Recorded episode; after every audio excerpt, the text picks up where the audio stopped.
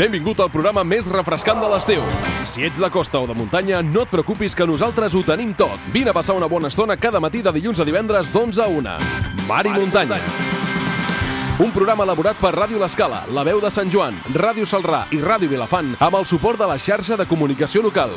Benvingut al teu programa d'estiu. Doncs sí, benvinguts al programa d'estiu, al Mar i Muntanya, un dia més. Encetem aquest dimecres, eh, 24 de juliol. Eh, ara no sé ni a quin dia estem, però estem a dimecres 24 de juliol. Comença una nova edició del Mar i Muntanya, aquest programa que fem conjuntament Ràdio Salrà, La Veu de Sant Joan, Ràdio L'Escala i Ràdio Vilafant, amb el suport també de la xarxa de comunicació locals i també amb Ràdio Llançà i Ràdio Montgrí, que ens estan escoltant i emetent també el programa. I d'aquí una estoneta saludarem també en Quim Agustí de Ràdio Llançà, que ens portarà l'actualitat. Anem a saludar a aquesta hora els companys que estem junts, plegats, eh, podríem dir. Víctor Grau, bon dia. Molt bon dia, Mercè, què tal? Molt bon dia, bé. Eh, Comencem, encetem un altre programa del Mar i Exacte. Muntanya aquest estiu. Exacte. Avui, quin dia mundial és? Doncs avui comencem el programa número 18, per cert, amb el Dia Mundial de l'Autocura. Què vol dir això? Doncs cuidar-se a un mateix. Bàsicament, l'autocura es fundamenta en fer accions, un conjunt d'accions que du a terme una persona per al seu manteniment i per la seva vida, per mantenir una bona salut, un bon benestar i bàsicament apreciar-se a un mateix i fer, doncs, curar-se a un mateix, no? Seria Fer la idea. esport, eh, portar una dieta equilibrada, doncs serien accions Fer per aquest saludable. dia. Doncs va, proposeu-ho, eh, avui. Si no ho feu la resta de dies, avui almenys... Avui és un bon dia per començar feu. caminant, a la piscina, menjar sa, una dieta... Qual qualsevol d'aquestes coses són una bona excusa per celebrar aquest dia de l'autocura. Exacte, exacte.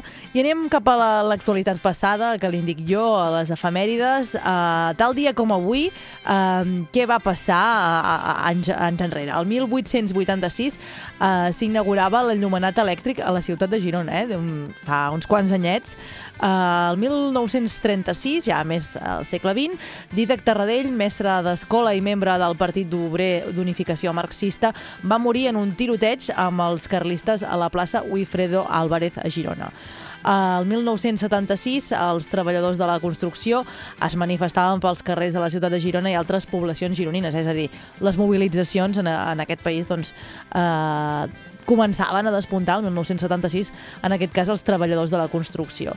I el 1986, ara fa 33 anys, Montserrat Cavaller visitava Girona en el cercle de, de concerts de Girona Operística.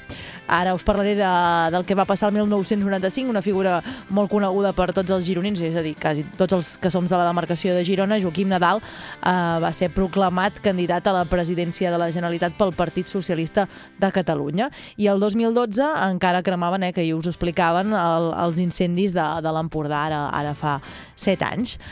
Uh, si us sembla, recordem que, regal que avui és dia de regals, eh? eh, molt atents al Mar i Muntanya, perquè regalarem dues entrades, o sigui, les dues primeres que, persones que, que, que truquin, doncs s'emportaran cadascuna una entrada per anar al Parc Aquàtic de l'Aquabrava de Roses, eh? per poder-se tirar en tots els tobogans, refrescar-se amb aquesta calor que està fent aquests dies. Eh? Això t'anava a dir, Mercè, estem en onada de calor, per tant, jo crec que Però no es pot que fer se- res millor que, que anar a Quabrava a refrescar-se. Sentia que sembla que hem tocat fons, eh? amb la onada de calor, que sembla que arribem ja a la part final. No sé si Esperem que sí, és bueno. una previsió i si es complirà Bueno, o encara no. així, anar a Quabrava sempre ve de Sempre gust. va bé a l'estiu, Així i que tant. no passa res. Estigueu molt atents, al final del programa us farem aquest sorteig, però escolteu-nos, perquè tenim moltes propostes interessants per al programa d'avui. Et sembla si posem una proposta musical i de seguida saludem els nostres companys de les altres emissores? Em sembla perfecte. Vinga, fins ara. Fins ara.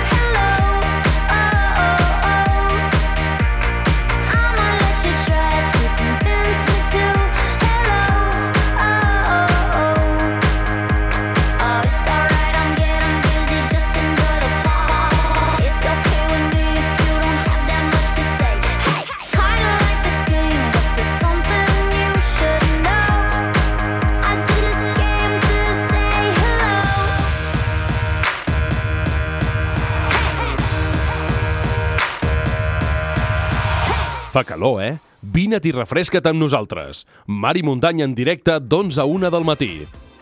Doncs sí, vine i refresca't amb nosaltres cada dia al mar i muntanya. Ara el que volem fer és saludar els nostres companys de les altres emissores, eh? A l'altra banda de, dels micròfons, eh, ja els tenim preparats perquè ens acostin l'actualitat de, del que està passant en els seus territoris. Si us sembla, anem directament cap al mar, anem cap a Llançà amb en Quim Agustí. Bon dia, Quim, què ens portes? Bon dia, des de Llançà. Bé, anem a fer un petit repàs de les coses més importants que tenim cares a, a avui i aquest cap de setmana. Avui recordem que tenim cinema, cinema infantil a la Casa de Cultura de Llançà, gratuït, a les 8 de la tarda, la pel·lícula El regreso de Mary Poppins. També eh, volem fer esment de l'espectacle que hi ha aquest dissabte, que és el Clon Pelia, un espectacle que serà a les 7 de la tarda a la sala d'actes de la Casa de Cultura de, de Llançà, un espectacle familiar, i que les entrades ja estan a la venda a 5 euros, 5 euros anticipades i 7 euros al dia de l'espectacle. I també per aquest diumenge tenim un concert de piano i violoncel a càrrec del duo Carles Coll a les 10 de la a la sala d'actes de la Casa de Cultura, les entrades a 10 euros i també ja estan a la venda en aquí la Casa de Cultura de Llançà. També recordem que tenim entrades a la venda eh, per a l'espectacle del Mac Marín, que presenta el The Magic Showman el dissabte 3 d'agost a dos quarts d'onze de la nit. Per cert, qui li interessi la màgia i tal, és un gran espectacle i les entrades s'estan venent molt i molt ràpidament. Doncs això seria tot des de llançar una temperatura de 24,9 graus i una humitat del 88% que fa que la sigui impressionant. Doncs, eh, ojo amb aquesta xafogó tan impressionant del Clown Pelia que ens en parlava en Quim Agustí, en parlarem, eh? Avui, en recta final de programa, eh, explicarem una mica que, que, com serà aquest espectacle. Si us sembla, ara anem cap a la muntanya, anem a saludar en Guillem Planagumà des de la veu de Sant Joan. Guillem, bon dia, què ens portes? Molt i molt bon dia, doncs ara ja com és tradició aquesta setmana també eh, repassarem la temperatura d'aquí, que és molt semblant, estic veient durant el, tota la setmana a la de Llançà, perquè estem a 29 graus també, molta humitat, molta calor, i si no m'equivoco, excepte dilluns que potser estàvem a 28, els altres dies hem estat sempre a 29, de manera que els matins eh, molt iguals a aquesta setmana, la tarda potser baixa una mica les temperatures, però en general calor, calor, molta calor. Avui al Ripollès i a Sant Joan dels Abadès estem pendents eh, d'un eh, expedient disciplinari que ha obert eh, Esquerra Republicana de Catalunya a Jordi Batxelli, l'extinent alcalde de, de, de Camprodon. Eh, L'ha suspès cautelarment de la seva condició també d'amic del partit fins que s'aclareixi la seva presumpta implicació en el cas eh, Estela, que investiga doncs, suposades actuacions irregulars de la Diputació de Barcelona. A través d'un comunicat, el partit ha anunciat les mesures després doncs, que ara fa uns dies, eh, aquest cap de setmana, em sembla que va ser, doncs, la Vanguardia publiqués un contingut eh, d'aquest sumari en el qual doncs, apareix eh, el seu nom doncs, eh, amb la possibilitat doncs, que estigui implicat en diferents doncs, actuacions il·lícites en, en, doncs, en contractes quan era doncs, formar part del consistori de Camp de Bano. Segons diu aquest eh, informe, Batxelli s'hauria doncs, beneficiat de contractes menors, contractes petits doncs, de la Diputació de Barcelona, segons diuen doncs, amb l'objectiu de no superar el llindar que obliga a licitar el contracte doncs, per fer procediments de, de pública concurrència, no? una mica doncs, al llindar de la, de la, de la legalitat. Uh, ERC, doncs, Esquerra Republicana ha pres aquestes mesures fins que s'aclareixi uh, la seva implicació. De moment, uh, Batxell encara no s'ha pronunciat, però bé, estem en aquesta situació doncs, pendents d'aquesta notícia que sabíem justament uh, ahir. Uh, també estem pendents, en aquest cas encara a, a Ripoll, però una notícia doncs, supracomarcal, no? parlant encara doncs, d'aquest uh, revoltiment que ja està havent-hi doncs, al, llarg, al, al voltant de, de, de les notícies que van sortint al voltant dels atemptats doncs, del 17 d'agost uh, del 2017. Uh, sabíem doncs, que el diari Público feia, uh, feia públic, per la redundància, uh, un informe en el qual de, deia que presumptament el CNI, el Servei d'Intel·ligència, Uh, sabia doncs, que tenien possibles implicacions en el fet de que Esati, no, un dels cervells dels atemptats, acabés a Ripoll, uh, doncs sabíem ahir doncs, que el consistori eh, de Ripoll, així com el del Consell Comarcal del Ripollès, eh, va aprovar una moció eh, extraordinària doncs, per exigir al govern eh, saber tota la veritat. En tot cas, eh, el que ens sembla notícia és el fet doncs, d'aquest eh, enquadre d'idees que no sembla que eh, d'idees i d'informació que sembla que està ben des de diferents parts i que potser no sembla que no es posa d'acord, no? I que parlàvem de política amb la nostra prescriptora de lectura, l'Adriana, eh, una mica parlàvem d'aquest eh, dificultat no? de, de posar-nos d'acord i aquí ens sembla el Ripollès doncs, que ho veiem sobretot així, no? de que ostres, ens, ens, falten, ens falten informacions. En fi, i per acabar un petit punt de eh, agenda, eh, tenim en compte que aquest eh, dissabte hi haurà lloc, tindrà lloc a les 10 a l'era d'en Serralta, doncs la tercera proposta del Festival del Com d'Arnau amb l'espectacle Electrogralla, a càrrec de Roger Andorrà, serà un espectacle amb una sola gralla connectada a uns pedals electrònics doncs que partirà una mica de l'herència de la gralla, de la gralla clàssica, però que s'endinsa una mica també cap a la música actual. Les entrades es poden comprar a l'oficina de turisme i també a la web del Festival eh, del Comte d'Arnau. I això és tot des del Ripollès. Doncs interessant, Guillem eh, Planagumà des de la veu de Sant Joan, aquesta proposta que ens, feu, ens feies arribar del Festival del Comte Arnau. Ara el que volem fer és anar cap a mar, altre cop, eh, anem cap a l'escala, una mica més al, al sud, amb en Juanjo López, eh, que ens parlarà del projecte Sèpia. Eh? Bon dia, Juanjo. Bon dia, Mercè. Doncs sí, perquè l'equip del projecte Sèpia ha organitzat un estiu més l'activitat Viu al projecte Sèpia, el qual continua treballant dia a dia per instaurar les activitats turístiques, donar a conèixer el projecte, aprendre com és la vida dels cefalòpodes i descobrir la pesca artesanal i sostenible de la sèpia. Per això, des de fa uns anys, l'equip programa sortides de maig a agost com a activitats divulgatives i turístiques. Sota el títol de Viu al projecte Sèpia, els visitants poden alliberar sípies o calamars, visitar les sapieres de Sant Martí i descobrir la vida d'aquest animal. El projecte Sèpia promou la pesca sostenible i el consum responsable. A través de la vida de les sípies s'explica la problemàtica de la sobrepesca i de les pràctiques no sostenibles i es proposa solucions als problemes mediambientals que pateix el Mediterrani. De moment, el públic més interessat a gaudir d'aquestes visites és el familiar. Tot i això, aquests últims anys també hi ha força turisme internacional i visitants al sector de la gastronomia. Recordem que són visites on només cal un requisit indispensable, indispensable saber nedar. I ja per acabar passem a l'agenda perquè aquesta tarda a les 7 i mitja aquí a l'Escala es podrà veure l'exposició Esquitxada de Núria Albesa, exbecària de la Casa Forestal. Aquesta exposició tindrà lloc al Gavià i està organitzada per l'ADET. Doncs gràcies, Juanjo López, des de Ràdio L'Escala. Interessants propostes. Eh, jo deia en el grup intern que a mi això de, de la sèpia m'ha agradat, eh? Eh, A veure si m'hi puc apuntar. Anem cap Podria a... ser interessant. Sí, eh, anem cap a muntanya, cap a Ràdio Salrà, amb el Lluís Salabert. Eh, Bon dia, Lluís, què ens portes?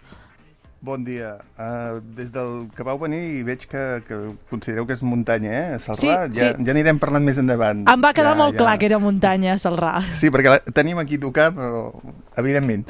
Doncs eh, les notícies. Ahir unes 500 persones es van manifestar a Sarrià de Ter eh, per la Nacional 2, que creua el municipi, i davant de la fàbrica Hinojosa per protestar contra les pudors i sorolls que genera la fàbrica i demanar-ne el tancament cautelar. Van comptar amb el suport dels partits polítics, de l'Ajuntament i la plataforma Prou. Uh, finalment tenim unes noves últimes dades de l'Associació de Comerciants de Salrà i de l'Ajuntament que xifren l'assistència en més de 6.000 persones als tastets de Salrà i valorant amb èxit la nova ubicació. Ahir parlaven de 5.000, avui ja són 6.000 el- amb el recompte eh, nous. D'altra banda, eh, fins avui ja es podeu apuntar a una activitat gratuïta que organitza el Consorci del TERT, és la descoberta nocturna de rats penats, subtitulat Salut i Natura a la vora del Ter. Eh, Aquesta activitat es farà divendres mm, i... què més? Què més? Bé, us podeu, podeu informar a la, a la pàgina del Consorci del Ter. I aquesta tarda hi ha la festa d'estiu organitzada pels comerciants que eh, els assistents podran gaudir d'un tobogan de 40 metres de llarg. Uh, Lluís, t'hi tiraràs tu d'aquest tobogan per, almenys per demà informar-nos de com, de com ha estat aquest tobogan o no? Va, hi aniré, a veure què, què passa. Va, volem una fotografia, que la, i pen, que la penjarem a les xarxes, va, que serà divertit. Ja que ens n'has parlat aquí al Mar i Muntanya, doncs volem saber com és aquest tobogan eh, que ens expliques aquí al programa.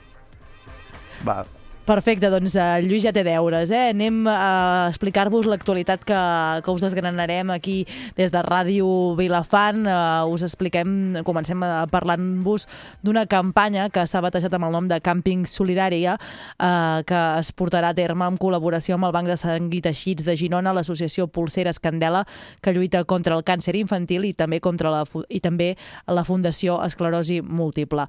Es tracta d'una campanya conjunta que els càmpings gironins eh, uniran forces per ser eh, solidaris i aportar a terme aquestes tres campanyes. Hem parlat amb el president de l'Associació Gironina de Càmpings, en Miquel Gotanegra, que ens ho explicava així. Realment nosaltres avui som els, els grans parcs de vacances de, de les comarques de Girona, no? I això fa que realment som els, els establiments on tenim eh, concentracions eh, més grans de gent, no? I eh, eh, som els llocs on eh, realment eh, aquestes campanyes es poden fer. Vull dir que nosaltres vam tindre una sentada amb el, amb el Banc de Sang i Teixits i ells van creure que els nostres establiments serien bons llocs per fer aquestes accions i, i per això ho hem tirat endavant. Doncs eh, així ens explicava Miquel Gotanegra doncs, aquesta campanya que els càmpings ja duien a terme a campanyes solidàries i eh, s'han unit, han, han fet aquest eix eh, comú per poder dur a terme aquestes diferents eh, campanyes. També us explicarem que Borrassà busca voluntaris, així doncs que si us agrada eh, les curses i, i sous molt esportistes, doncs Borrassà busca voluntaris per poder celebrar la seva primera cursa Extreme Trail eh, al municipi. Així doncs, si us animeu, poseu-vos en contacte amb l'Ajuntament de Borrassà. També us explicarem que el govern de Castelló d'Empúries ha retallat 4.000 euros eh, l'any eh, del sou de l'alcalde, eh, Salvi Güell, per augmentar el- els sous de, dels regidors. Us explicarem també un tema d'incivisme, ja que l'Ajuntament de Navata denuncia que durant la festa major de Navata, que va ser el cap de setmana passat, doncs hi van haver-hi actes vandàlics i robatoris. L'Ajuntament ha dit prou en aquesta situació que es, rep es repeteix a les festes de- d'estiu a Navata, a la nit de, de festa major, doncs el divendres passat es van viure eh, una presència massiva de, de joves eh, que, que, doncs, que, doncs, que van ocupar el municipi i en, aquest, en aquestes festes van produir destrosses eh, i des de l'Ajuntament denuncien doncs, eh, el fet aquest de que no per fer festa doncs, cal destrossar mobiliari urbà, que, que les festes són per passar-s'ho bé, eh, divertir-se i no cal eh, doncs, destrossar les coses i per tant s'ha de respectar doncs, el mobiliari urbà, que es pot estar la festa, passar-s'ho d'allò més bé sense eh, haver de trencar res. Així doncs, eh, ja sabeu que l'estiu és temps de festes majors, doncs eh, des de l'Ajuntament de Navata es fa aquesta crida a, a viure-les eh, amb tot el seu esplendor, però sense fer destrosses en el mobiliari urbà o fer bretolades o actes vandàlics. Recordem eh, que avui heu d'estar molt, molt, molt pendents eh, de que en els últims minuts del Mar i Muntanya regalarem dues entrades per anar a l'Aqua Brava. Així doncs que si us voleu refrescar, tant si sou de Sant Joan de les Abadesses, de Salrà, de l'Escala o de qualsevol punt de, de l'Alt Empordà que escolteu eh, des de Ràdio Vilafant o que ens escolteu des de Llançà o que ens escolteu des de Torroella de Montgrí, ja ho sabeu. L'únic que haureu de fer quan obrim telèfons és trucar-nos i podeu guanyar una de les dues entrades que està en joc per anar a l'Aqua Brava. No sé tu, Víctor, si ets de tirar-te del kamikaze o ets més del Río Tranquilo. No, jo sóc més de kamikaze, sí, sí, m'agrada molt el terme dels Ostres, no ho dit mai. No? Doncs sí, sí, la veritat que sí. A mi, em fa una, a mi em fa una mica de por això de, del kamikaze, però jo sóc més de, de Río Tranquilo. Fem una proposta musical, uns consells publicitaris i de seguida tornem amb el programa.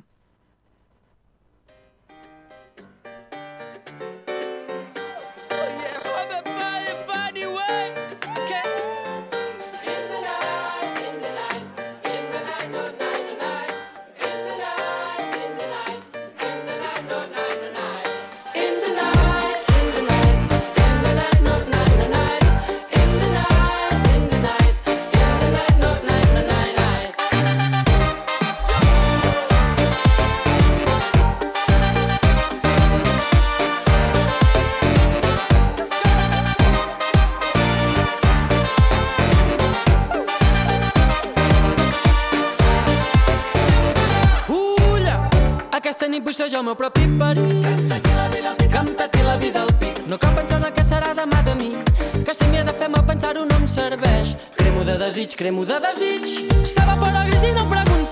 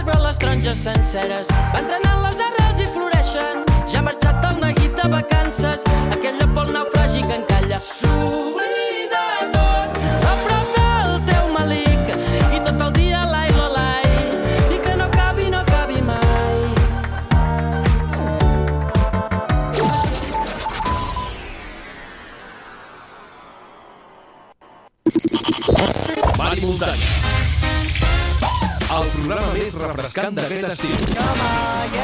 Mar i muntanya en directe, 12 a 1 del matí. Un programa de Ràdio Escala, La Veu de Sant Joan, Ràdio Salrà i Ràdio Vilafant. Ens hi tornem a posar al mar i muntanya. Ara, eh, no sé, volem parlar d'una cosa molt típica de l'estiu. Eh, volem anar al carrer i volem parlar d'una cosa molt típica de l'estiu. Ara us ho expliquem. Al carrer. Doncs sí, anem al carrer perquè volem parlar de gelats i volem saber quin és el tipus de gelat que més us agrada. Eh? El gelat, gelat és sinònim d'estiu. Uh, jo li volia preguntar a Juanjo López de Ràdio L'Escala, tu quin és el teu gelat preferit? A quin gust t'agrada més? Però, eh, ui, he de triar, eh? Sí, Puc sí, triar sí. do, dos boles d'aquestes de terrina petita que m'hi faig sempre per aquí a l'escala? Va, qui, O només he de triar-ne un? no, va, deixem, deixem triar les dues boles, va. Va, mira, jo faig dues combinacions, vale? O faig stracciatella amb Nutella o stracciatella amb Kinder. Ostres, Stracciatella es podria dir que està en el rànquing, És- està en el pòdium. és potent, eh, aquesta combinació que fas. És molt, molt potent dolç, és- molt dolç. Està boníssim, està boníssim. Home, a Molt més, dolç i molt, i molt menú infantil també, eh? també et diré. Molt de... Com, com me l'estiren, Guillem, eh? Gui Guillem, i tu, tu, tu, mango i iogurt de no sé què, no? O no? Mira, doncs, doncs no vas malament. Jo sóc molt de, de que crec que, que per refrescar no pot ser una cosa empalagosa, de manera que no em menjaré xocolata i no em menjaré dulce de leche. Per mi ha de ser molt àcid. Sóc molt de llimona, de mandarina, de mango, fruites del bosc, ha de ser àcid, sempre. El, el clàssic meu és llimona, evidentment. I el Lluís, clàssic, el, el, eh? el Lluís és àcid o és dolç? Va, desempata, Jo Lluís. miro de, jo miro de fer-ne dos, també, eh, si pot ser.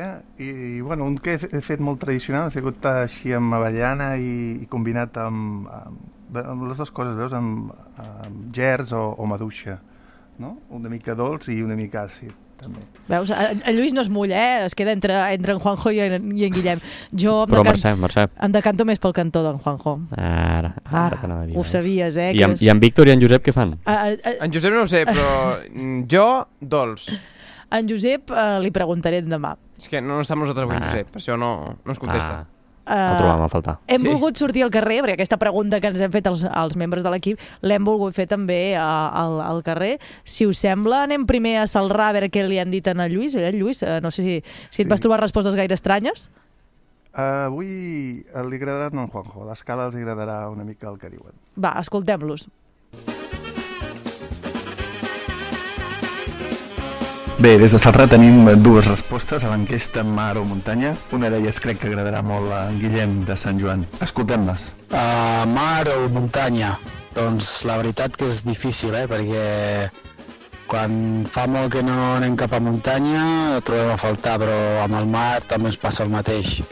Per sort, a la nostra regió tenim amb dues bastant a prop, o sigui que em sap greu, em feu triar, però no trio. Em quedo amb el mar i amb la muntanya, que a Girona tenim tots dos.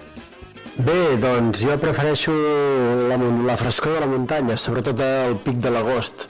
A principis de juliol preferiria, la, eh, preferiria el mar, però mitjans agost sempre m'agrada la muntanya, la frescor de la muntanya, la frescor de, de la vall de Camprodon, de Sant Pau de Segúries, de Sant Joan de les Abadeses, del Ripollès en general. Aquestes no són les enquestes eh, dels gelats, eh, ara ara les recuperarem. Si us sembla, abans de recuperar-les escoltem el que li han dit en Guillem des de, des de Sant Joan. Mengeu gelats, eh, tot i que faci, que faci eh, molta... Bueno, que estigueu més fresquets, tot i que la temperatura que m'has dit últimament no és gaire fresqueta aquí dalt. Exacte, exacte. No, no. I a més jo sóc molt de gelat de tot l'any, eh? vull dir, com a, com a postres per fer baixar, eh, sorbet de llimona, sempre, tot l'any. Escoltem el que li han dit en Guillem eh, des, de la, des de Sant Joan i després anem a les de Salrà. Va. Um, menta amb xocolata. After Eight. After Eight, exacte. Bueno, el meu gust de gelats preferit uh, seria o el de llimona o el de vainilla i bueno, perquè trobo que són bastant refrescants i a l'estiu doncs va bé prendre alguna cosa refrescant per la calor. Vainilla, sens dubte. Xocolata. Doncs mira, el meu gelat preferit són els de gel, perquè els altres no sóc molt de gelats, de xocolata, de diferents gustos, no. Com a molt, em menjo un gelat de gel de llimona i ja està. Són els únics gelats que mínimament m'agraden. Doncs in- interessant, eh? Els de gel, que a vegades potser no hi pensem amb els de gel que ens comentava aquesta, aquesta companya de Sant, de Sant Joan les Abadeses. Ara sí, eh? Tenim les respostes que ens portava el Lluís Salabert des de la ràdio Salrà. Les escoltem. El gust de gelat preferit és el cafè, m'encanta el cafè. El meu gelat preferit és de xocolata. El meu gust preferit de gelat és depèn de la temporada de l'any, perquè jo menjo gelats tot l'any. A l'estiu els refrescants, com són la, la llimona, la maduixa, i a l'hivern, doncs, com són les xocolates i, i els, les nates, o sigui, gelat de nata, gelat de xocolata i gelat de vainilla. Això a l'hivern, la tardor i la primavera. I a l'estiu, doncs, com tot diu, més refrescants, de fruites, llimona, mango, eh, maduixa, meló, síndria. Vainilla, llet, dulce de leche... El meu gust preferit de gelat és el de núvol, que és un que venen aquí a l'escala que està molt bo. Núvol de sucre. M'agraden molt els, de, els clàssics, per exemple el Magnum de xocolata fosca i, i nata. Eh, després, així una mica diguem diferent, seria el gelat de donut, un que, que fan en allà a l'escala, al passeig de l'escala, una gelateria que es diu Zucchero. És boníssim, però molt bo. I, eh, I tots els que fan són bons allà. I després la forma m'agrada molt amb la galeta en forma així de cucurutxo o també amb la galeta típica aquella que és com un sàndwich. En aquestes formes també doncs, m'agrada posar-los així a dins en, en tall. Aquests són els que més m'agraden. Jo sóc l'Olga i a mi m'agrada molt el, el gelat amb gust de xocolata amb ametlles. A mi el de pitufo! Soc en Max! Jo sóc l'Ona i m'agrada molt xocolata blanca. que bons, eh? Boníssims, eh? El de pitufo. Qui no ha menjat gelat de pitufo? Molt bé, eh, Lluís? Eh? Li, li donem un mini punt a la- a, a l'escala per aquest gelat de dònut que ens explicava aquesta companya de Salrà, oi? Ok, sí, sí. Va, el punt, el punt avui se l'emporta Ràdio L'Escala. Doncs anem a escoltar què ens han dit uh, per aquí, per Vilafant i per, per Figueres, uh, els gustos uh, de gelat. Uh, N'hi ha un que, que ens van dir, que és el de pistatxo, que a mi també m'agrada molt. Frambuesa. Jo... limona. Pistache. Eh, stracciatella. La vainilla, sempre. Maduixa. El de vainilla, tot i que el de tiramisú també si existeix m'encanta. Nata. Llimona. Oreo. Oreo. Pitufo. Pitufo. Ostres, això amb ell. No, a mi no, sou vosaltres que esteu menjant. No, però jo de- d'aquests de, recuit, de, que no tenen gaire gust, de iogurt, així. O el de Carmelo, el de... com es diu ara, el de Carmelo? Sí? El dulce de leche. Dulce de leche. Chile leche. Uh, curry and figa. Mango? Xocolata. Uh, vainilla. Uh, xocolata també. El meu gust? De vainilla. Eh, de fresa. Això, fresa. Ui, això no té cap gust. Van bé tot. Maduixa. Llimona. Oh, avellana. Uh, pitufo. Més grande, de nata. Fresa, fresa. Uh, la vainilla. Limón. Limón. Vainilla. Uh, bueno, jo no, normalment, normalment no menjo gelats, però bueno, el de vainilla potser. El meu gelat preferit sempre és el de maduixa. Doncs interessants les respostes. Això del mini punt era, bueno, un punt per l'escala per fer aquest gelat de dònut, però bueno, li donem un punt també a Ràdio Salrà per trobar una, una persona de Salrà que li agradi el gelat de, de l'escala, si, si et sembla bé, Lluís, eh? Sí, dues, eh? Dues. Dues persones, oh, així és que... eh, Ja sabem on hem d'anar a menjar gelats, eh? A l'escala. Uh, jo he dit gelat de pistatxo, perdoneu, eh? Gelat de festuc. Eh? Que m'he marcat un, un Rosalia, podríem dir, aquí. Els dos són vàlids, eh? Ah, sí? Puc dir pistatxo i puc dir so- festuc. Vale, sí. perfecte, perfecte. Doncs, eh, fet aquest repàs de, dels gelats mm, preferits de la gent, hem volgut parlar amb un expert, eh, oi, Guillem? Eh, hem volgut parlar amb un gelater expert que ens digui quins són els més venuts, a veure si, si es correspon al que ens han dit. Sí, sí, exacte. Hem uh, volgut anar fins, a, en aquest cas, a la vostra zona, a la Costa Brava, per parlar amb un expert. En aquest cas és el Guillem Palomares, de la gelater de la gelateria L'Enxaneta de Calella de Palafrugell, que bé, doncs ell eh, es passa l'estiu no tan sols fent gelats, sinó també amb les seves mans, sinó també uh, venent-los, de manera que eh, sap millor que ningú quins són els, els bestsellers. Doncs l'escoltem. Doncs els gelats més venuts, eh, sobretot pel públic infantil, serien el de Kinder, el de xocolata i el de Ferrero Rocher. Eh, per adults es ven molt un de crema catalana, que està molt bo, eh, stracciatella i un de iogurt d'aranyons que tenim. Els menys venuts serien el de cacauet, que es ven força poc, algunes fruites tropicals, que tampoc es venen gaire. Eh, tenim eh, més de 100 gustos ara mateix en que fem.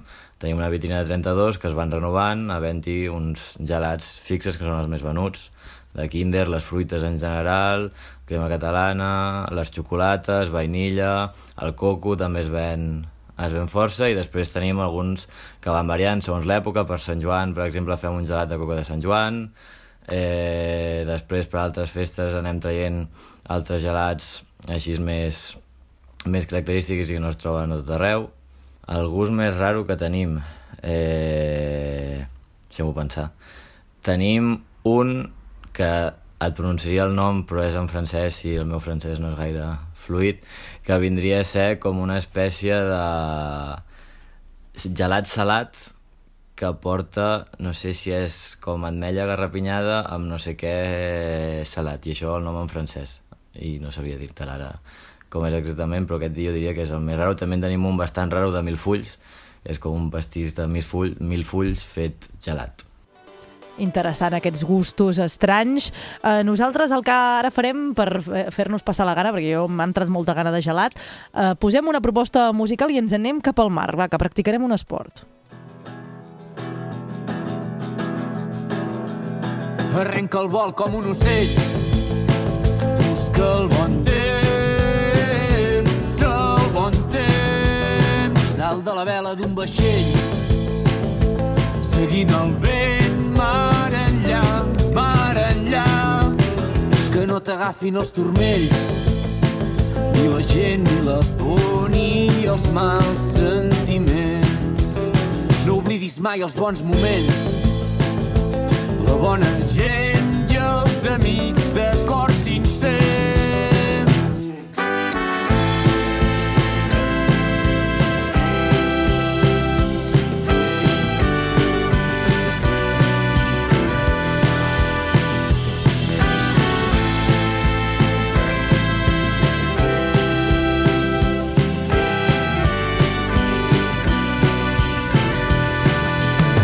No t'espanti ser qui ets que no se't mengi l'ego de ningú. I quan el sol vagi caient, mira't-el bé fixament, fixament.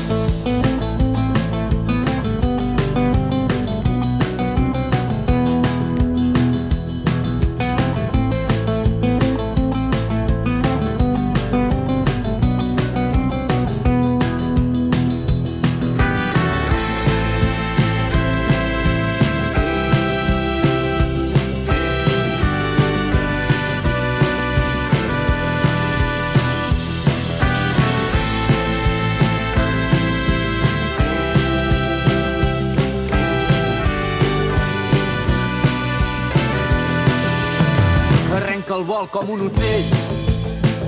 Busca el bon temps, el bon temps. El millor del mar i la muntanya des de casa.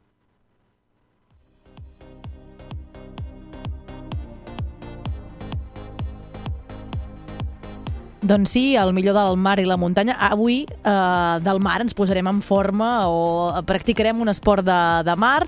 Volem parlar, ja fa dies que, que a mi em balla pel cap, eh, que m'agradaria saber què és el paddle surf. I he volgut eh, parlar amb un especialista. Eh, tenim eh, en línia amb en, en, en Jordi Llistosella, que ell és de Paddle Point, que fan eh, diferents eh, punts de, de, de la nostra Costa Brava, eh, doncs fan aquest esport, el, el paddle surf. Benvingut al Mar i Muntanya, Jordi. Hola, gràcies. Bones. Jo deia, eh, jo vull saber què és una... Bé, més o menys tots al cap, eh, ens ve al cap el paddle surf. Explica'ns una mica què és, quina seria la definició de paddle surf? Sí, el paddle surf és un esport que es practica de peu sobre una taula de surf que és més grossa que una taula de surf per poder-nos mantenir, eh, mantenir el nostre pes de peu sobre la taula, si no ens enfonsaríem. Es practica juntament amb un rem, que és amb el que ens impulsem per, per anar endavant.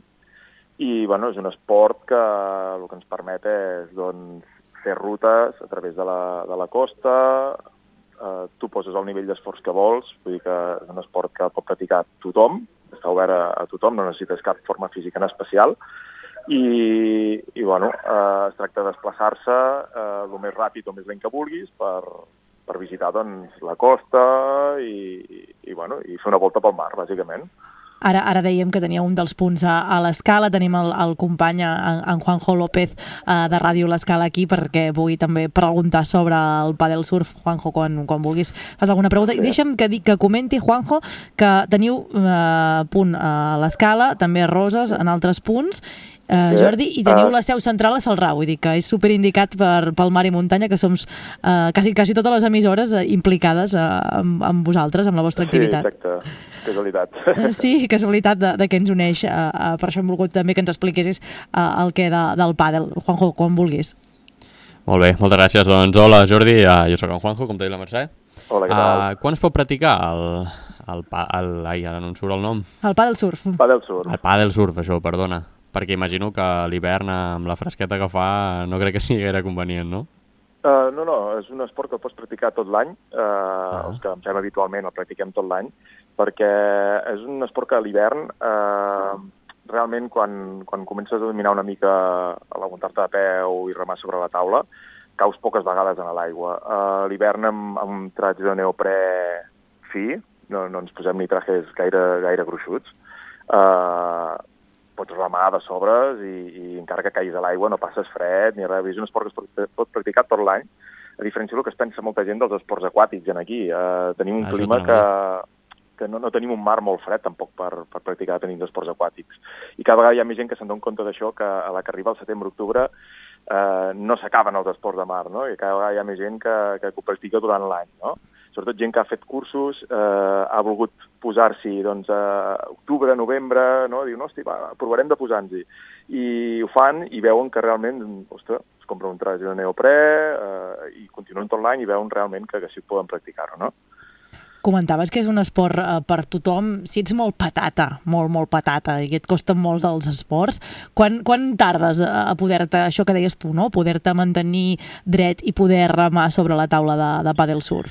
Mira, dependrà molt també de, de la situació del mar. Eh, quan el, el mar està molt calmat i no hi ha res de vent, vull dir que el mar està com un mirall, eh, realment, encara que siguis molt patata, si tens algú que t'ensenya com fer-ho, eh, fas una classe amb un monitor, eh, et poses de peu, quasi, quasi 100% garantit que et poses a la primera classe de peu i comences a remar de peu.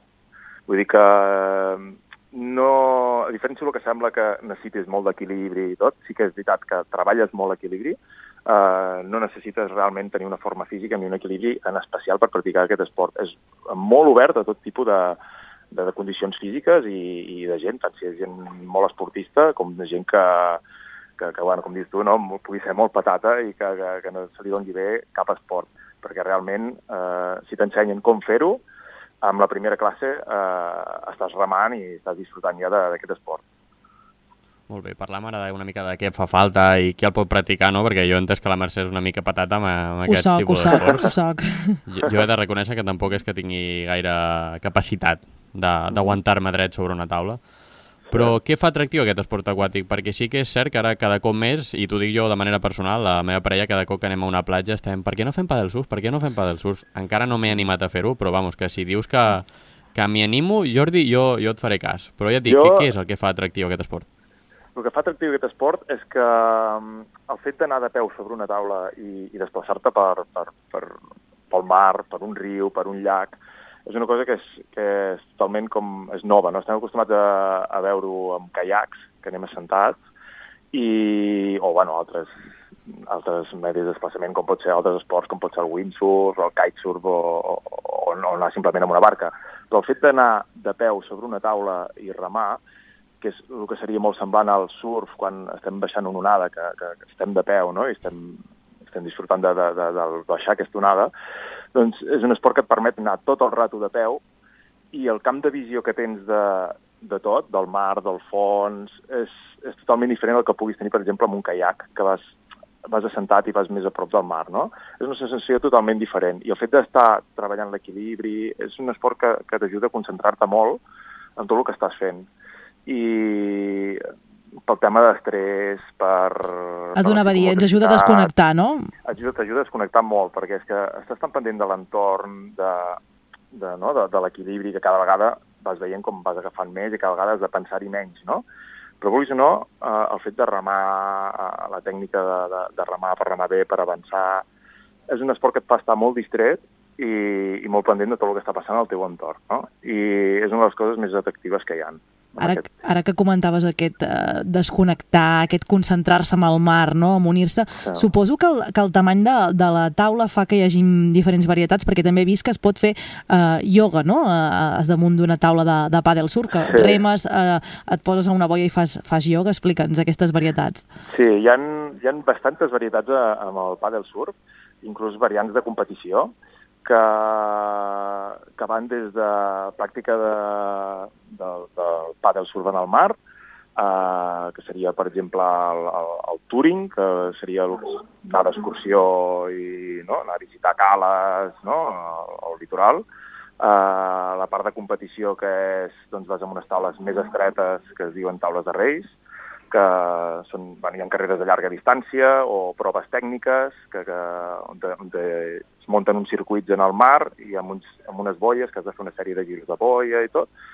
Després passa pel, pel pàdel surf amb onades, que al igual que el surf, doncs, eh, estàs esperant que vingui l'onada i en comptes de remar amb els braços per agafar-la, remes amb el, amb el rem, agafes l'onada i la surfeges, no? Eh, pràctica de, de pàdel en rius, també, de, de, baixar ràpids eh, taules amb rius, després eh, el pàdel yoga, pàdel fitness, no? que seria, no? el pàdel yoga seria el que has comentat tu, que seria anar fins a una boia, amarrar-nos i bueno, practicar doncs, postures de ioga sobre, sobre la taula. I depèn de la modalitat, doncs les taules són més amples, més estretes, més llargues, més curtes, depenent del que hi vulguem fer, la- l'estabilitat que necessitem a, a la taula, o si volem que la taula sigui més o menys ràpida per practicar, doncs, sé, si és en cas de competició, les taules són molt estretes i molt llargues perquè són taules que tenen que ser molt ràpides, no? Sigui, Ah, parlàvem abans això. també a Jordi. Sí. Ah, perdó, no sé si t'he tallat i volies dir alguna més. No, no, no, no, no ja, ja estava. Vale. Ja, diguem sempre que amb el surf es necessita que hi hagi onades, no? I abans parlàvem una mica que amb el paddle surf, mentre més tranquil estigui la mar, eh, també millor hi anirem. Però també Mm. hem de dir, jo crec, que serà més divertit si hi ha onades, no? Perquè també és una mica de riure si vas amb més gent, allò d'aviam qui cau primer i aviam qui, qui li costa més aguantar-s'hi, no? Sí, exacte. Aviam, uh, per iniciar-se, uh, l'ideal és que el mar sigui el més pla possible, però no és un, no és un esport que, que s'ha de practicar a les 8 del matí quan el mar està ben pla. Uh, quan comences a, a dominar-lo una mica, uh, és més interessant i, i maco doncs, que hi hagi inclús una mica de, de, de, de xopi o que el mar estigui una mica mogut i, i dona un plus afegit, no? una dificultat afegida a, a l'hora de, de moure, tot el que dius tu, no? a l'hora de, de, de divertir-se.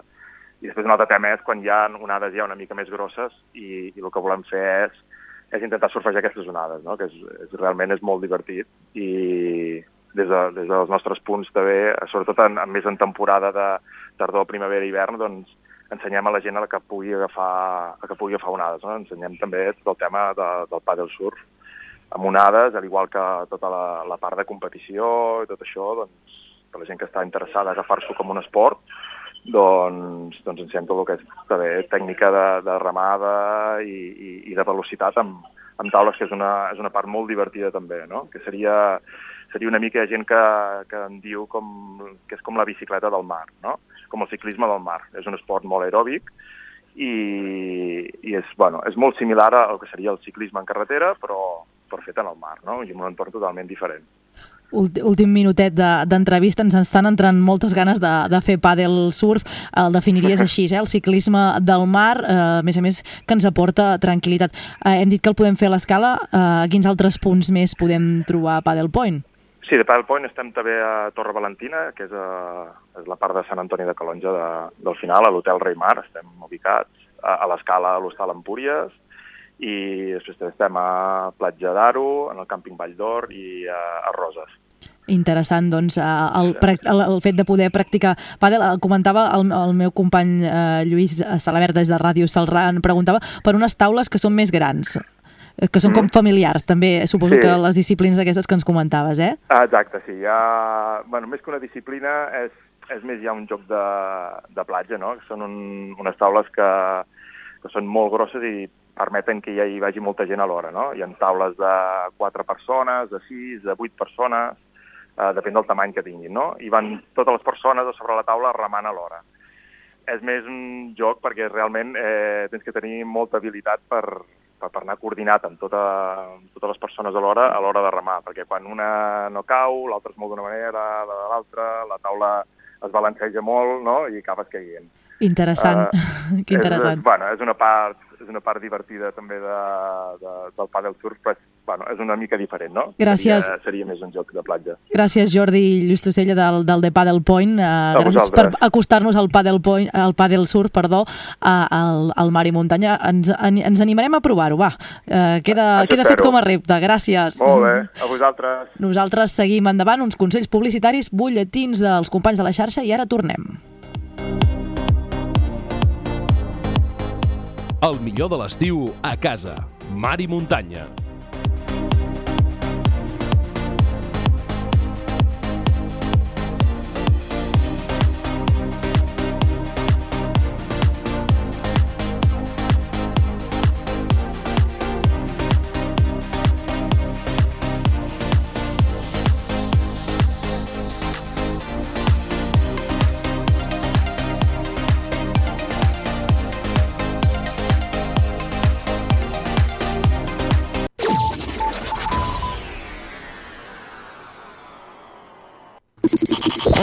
Mar i muntanya. El programa més refrescant d'aquest estiu. Mar i muntanya en directe, 12 a 1 del matí. Un programa de Ràdio Escala, La Veu de Sant Joan, Ràdio Salrà i Ràdio Vilafant.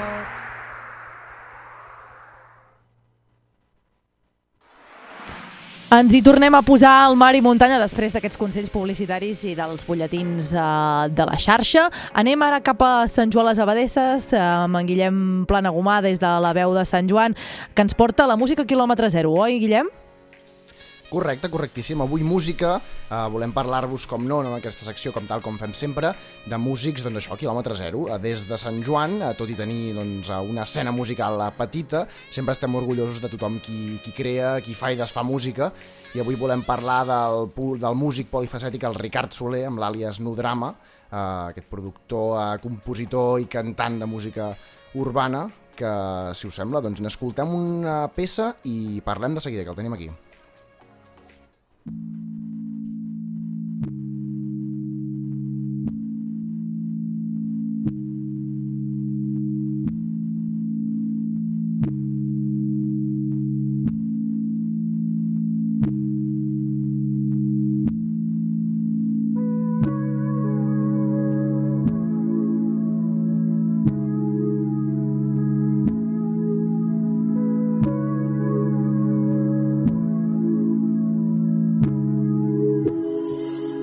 fundat una nació sencera que només té un home i encara s'aguanta. Aixeco piràmides de gel a les 4.40 per temes de sol, de llum solar. Després espero l'estrella polar. El meu guia, guia, sento vida near here, però no m'ho marca el sonar. Sóc una altra persona. Vaig desterrar l'antiga en un camp de conreu abandonat amb un pen de 5 gigas. L'han acollit druides amb les conques buides i fruites raríssimes i marques al cos magnífiques. És el que sol passar quan ha plogut i acabes convivint amb un complet desconegut. Des d'aquell dia no engego la calefacció i dormo en un lloc que no té res a veure amb cap mena de. Aquest desconegut és un dels temes que hi ha darrere de No Drama, que encara darrere doncs, aquest No Drama hi ha el Ricard Soler, que és un Sant Joaní, músic, que tenim avui a l'estudi i que primer de tot saludem. Bon dia, Ricard. Hola, bon dia. Què tal? Estàvem escoltant aquest desconegut. El Ricard no és tan desconegut per la veu, perquè és un de, doncs, ja típic eh, dins aquests, eh, aquestes quatre parets d'aquest estudi.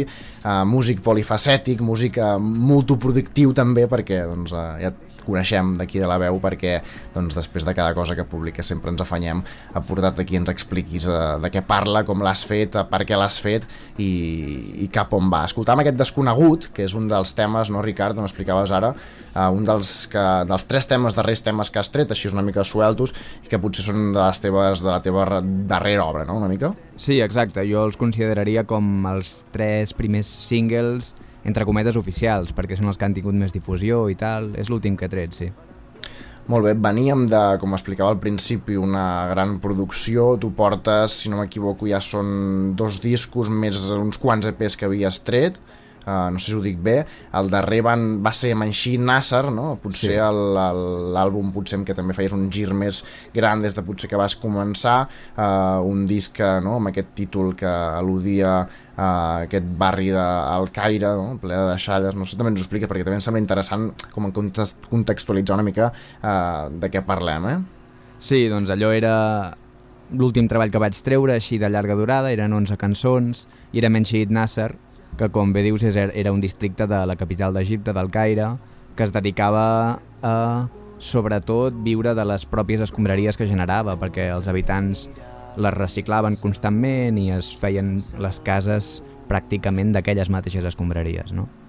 Molt bé, treia una mica aquest tema perquè si a la darrera entrevista doncs, que vas venir aquí a la veu parlàvem d'això, d'aquest Menshi Nasser, que potser no era casualitat eh, que parlessis d'aquest barri, no? que com explicaves, doncs, ple de deixalles de, del Caire una mica, eh, els teus temes, no? i crec que en aquests darrers, aquest descorregut encara potser una mica, eh, parlen una mica d'aquesta distopia una mica desordenada en la qual eh, tu com a, com a autor i com a en ens pensant d'aquest planeta vas una mica a buscar l'essència de l'home preguntant-te sobretot moltes coses en gairebé nivell existencialista, no? Sí, totalment. De fet, uh, precisament aquesta cançó de Desconegut comença amb la frase de he fundat una nació sencera que només té un home i encara s'aguanta.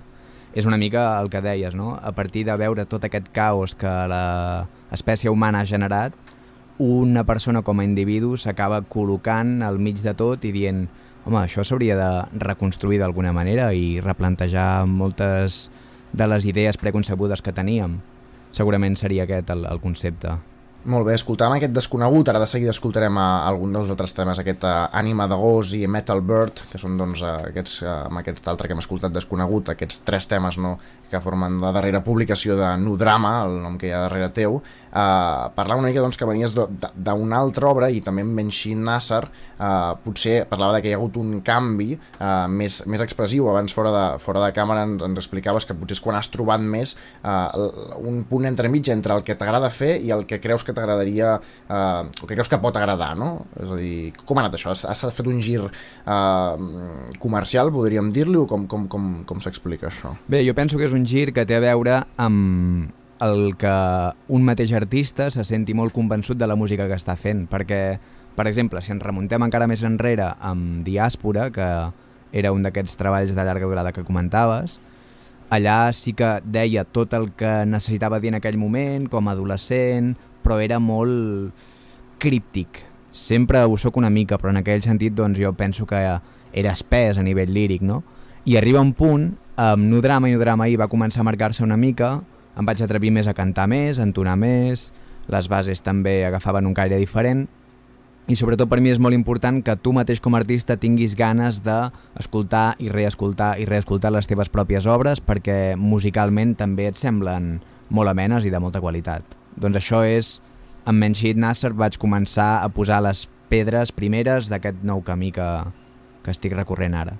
Molt bé, crec que val la pena també de parlar del, del Ricard Soler, no tant del, del nou drama, de la que és la persona, el que és el Sant Joaní, eh, el que és estudiant, no? perquè tu també com a, com a estudiant, eh, vulguis o no, jo crec que hi, hi deu haver hagut algunes influències. Tu vas començar i vas acabar estudiant traducció i interpretació, uh -huh. eh, vas estudiar portuguès, si no eh, ho recordo malament, i després quan vas acabar vas posar-te a estudiar teatre, no? l'Institut del Teatre. Sí, exacte i me'n recordo que tu m'explicaves alguna vegada que justament eh, va ser potser quan vas començar amb, aquesta, amb, aquests, amb aquestes líriques una mica més intel·ligibles potser pel, pel, pel gran públic si vols dir-ho així i me'n recordo que també vas, vam, vam notar-te un, un canvi en el teu registre vocal me'n recordo que m'explicaves que quan estaves d'Erasmus a Lisboa justament va ser quan les primeres sí. vegades que t'atrevies a, a cantar com a tal, no? a entonar, a, a, a afinar. Segurament tots aquests canvis també després d'estudiar teatre també també em fot una mica, no? que li posa una altra expressivitat. Sí, sobretot el que m'ha ajudat molt a estudiar teatre és que tinc una visió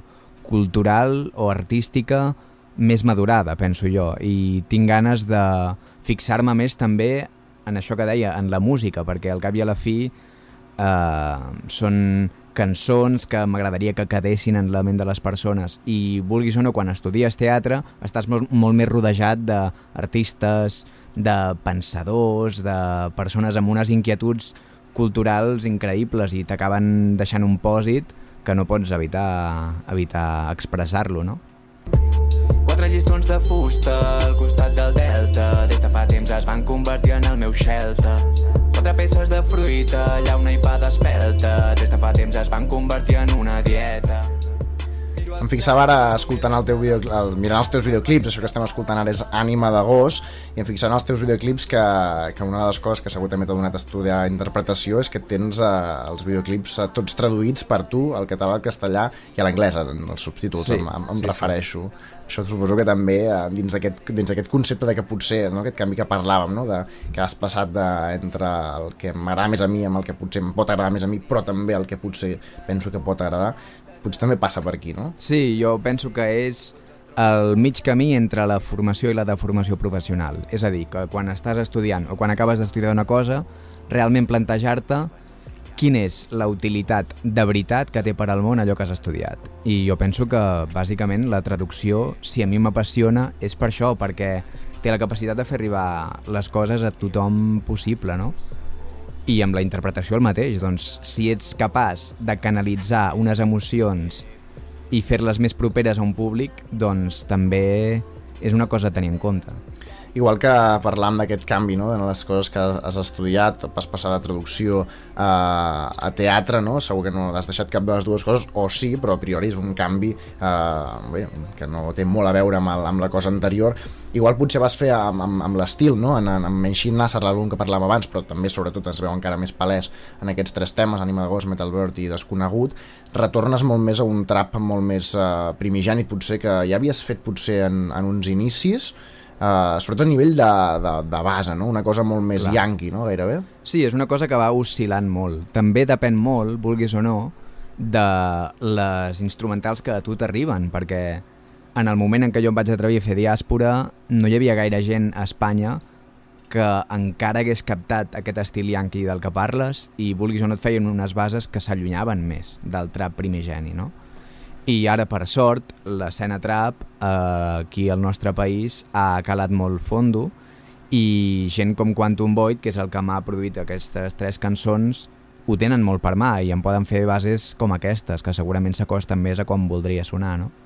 Molt bé, deies això, no? Que ha calat justament el, el trap aquí, no sé si ho ha fet igual que el, que el rap, eh, justament eh, tu uh, formes part, tu has format part d'un recopilatori que es va fer ara fa uns mesos aquí a Catalunya, que es diu Rap de la Terra, no? Un recopilatori en, en el qual va, va ser un concert, però també va ser un, això, un disc, un recopilatori, en el qual hi trobàvem uh, doncs, noms del, de l'escena de rap en català com Senyoca, el, el Tònic mateix, el Pur Tràmit, l'Elit Rússia, uh, gent no, que, està son, que estigui sonant més o que estiguin sonant menys, però que potser formaven part, no feia la sensació d'aquesta d'aquesta escena. Tu em deies ara, però, fora de micro, que igual, eh, no és que no t'hi sentis part, però que, que potser no, per algun motiu, no sé si d'indústria, d'estil, de, de manera artística, igual no compartiu els mateixos paràmetres, no sempre? Suposo que també té a veure amb el recorregut que ha fet cadascú. Si jo, des del meu punt de vista, he estat fent rap en català des del 2009 i he, he jugat amb els estils que han costat de que calessin aquí, com són el trap, i m'he anat fent un nom, picant pedra i tal, potser ara no necessito tant fer una reivindicació de que hi ha una escena catalana, perquè vulguis o no, és el que sempre he lluitat per, per ser-hi, encara que em plantegés si existia o no. Per tant, sí, a veure, jo vaig rebre la, la invitació de Rap de la Terra i em va semblar molt interessant perquè vulguis o no és una oportunitat de fer un tema nou, de que t'escolti un nou públic, etc. I no és que me'n senti part o no, sinó que simplement jo sóc una persona que per una part o per l'altra continuaré fent el meu camí, el que ja portava fent des de fa molt temps. No sé si m'explico. Mm -hmm. Molt bé, i una mica um, aquest, uh, parlant de que formes part d'aquest col·lectiu de Rap de Terra, no sé si va, si va més això, si es va quedar en aquest concert o si seguiu compartint xarxa o seguiu compartint uh, uh, o, o no sé, hi haurà algun altre recopilatori, no sé com, com ha quedat això. No sé si puc parlar molt com a portaveu, però en principi, pel que jo sé i pel que m'ha arribat, eh, allò va ser el volum 1 del recopilatori, Mhm. que va ser doncs, el disc mateix, que es podia comprar, etc. el concert que es va fer a la Festa Major de Sant Antoni, del barri de Sant Antoni de Barcelona, s'havien de fer més concerts que al final sembla que no han acabat de sorgir i ara crec que s'ha enfocat més al, al segon volum i hi ha gent que si vol continuar treballant per l'associació entre cometes i continuarà, però en principi la direcció ara és el segon volum. Molt bé, parlem de, de coses a les quals uh, formes part, tu també formes part de la Badeu Confam, la Bademe Confam, uh, que entre d'altres és, uh, tu ens explicaràs millor, un col·lectiu de música que formeu entre d'altres tu i el teu germà, que també fa música, no? Sí, és que és tan senzill com això. A vegades, eh, al principi de tot, quan ho havíem creat, dèiem que era un col·lectiu de gent que aquí feien rap i tal, però al final penso que la lògica i el sentit comú s'han imposat i han acabat dient, home, aquí els que estan interessats a fer rap bàsicament sou tu i el teu germà. I hem, hem fet intents de que vingués altra gent, el col·lectiu i tal, però no ha acabat de ser fructífer del tot. El teu germà, que sota el nom de Rare Namibian, eh, també va traient la seva carrera, potser ho fa un estil una mica diferent, eh, a nivell potser més, potser no tan eh, trap atmosfèric com el que sentim que fas tu, no sé si ho, ho dic bé, i a més a més ell canta en castellà. Mira, això és una truita que es va girant constantment, perquè ell és el que va portar el rap clàssic dels 90 boom bap de la costa est a casa, Uh -huh. mentre jo estava fent més trap.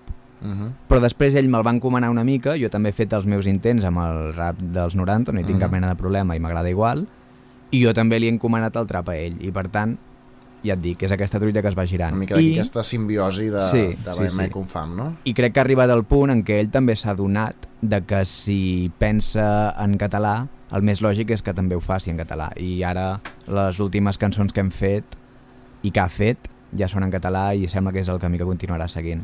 Una mica sota aquest paraigües que també de, de Bademe Confam que esteu tenint novetats, no? O tindreu?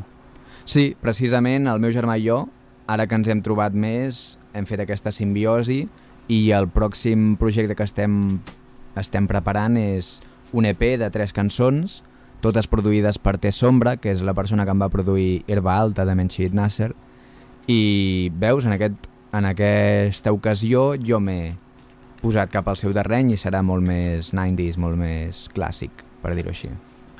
Molt bé.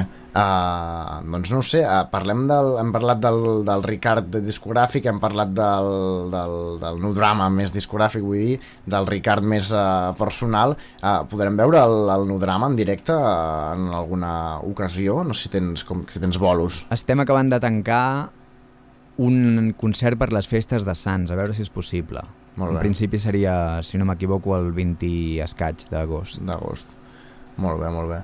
No sé, fem una mica, fem una mica aquest repàs uh, discogràfic, també de, de, de lírica, una mica de, de, de carrera i parlàvem d'aquestes diferents uh, fases no? que, que has anat tinguent i que ha anat tinguent uh, Nudrama. Uh, crec que avui, en, en un pen que m'has uh, otorgat a, a l'entrada, portes la que potser és la, una nova etapa de Nudrama, no? perquè aquí, si no m'equivoco, portaves uh, uns temes inèdits que ens cantaràs ara aquí en directe a la veu de Sant Joan. són precisament, formaran part d'aquest EP que, que et comentava i ja, ja veureu, és com tornar una mica als, als 90 més clàssic. Molt bé. Abans d'acomiadar-te, vull fer-te una pregunta que sempre fem als nostres uh, oients del nostre programa Mar i Muntanya, uh, que és que, de fet, mira, el, recordo l'última entrevista, perquè a l'últim disc tenies algun... No, tan sols aquest, el disc Menshi Nasser, que m'ha explicat al principi, que era aquest barri del Caire, explicaves que, que, que la gent et deia, no, fins i tot, ostres, sembla que hagis viatjat mm. molt, no sé quantos, me'n recordo, i tu deies, ostres, doncs no especialment, igual he viatjat més des de la meva habitació que, que amb un avió, Sí. no? Uh, però bé, en tot cas, tu quan vas de vacances o quan no estàs de vacances, què ets més, de mar o de muntanya? Mira, eh, acabem d'escoltar Ànima d'agost, que Mm. és una cançó que es va inspirar totalment per una tarda que vaig passar a la platja, al Garraf. Per tant, jo sempre que faig escapades trio platja, però vulguis o no, hòstia, m'he criat en muntanya, per tant, la dec respirar més. Sí, no? Sí. Molt bé, doncs no sé si ens pots explicar quatre coses d'això que tenia aquest pen i l'escoltem de seguida en directe a la veu de Sant Joan i t'acomiadem. Les quatre coses són senzilles. Aquí, la, el meu germà i jo, amb aquest EP, teníem ganes de fer barra rere barra. Simplement, rapejar per gust, sense cap concepte darrere i sense floritures. Mm -hmm. Doncs això és el que escoltarem. Uh, algun nom té o ni no té ni nom? No té ni nom, No té ni nom. Doncs el més nou de Nudrama, en directe a la veu de Sant Joan, per Mar i Muntanya.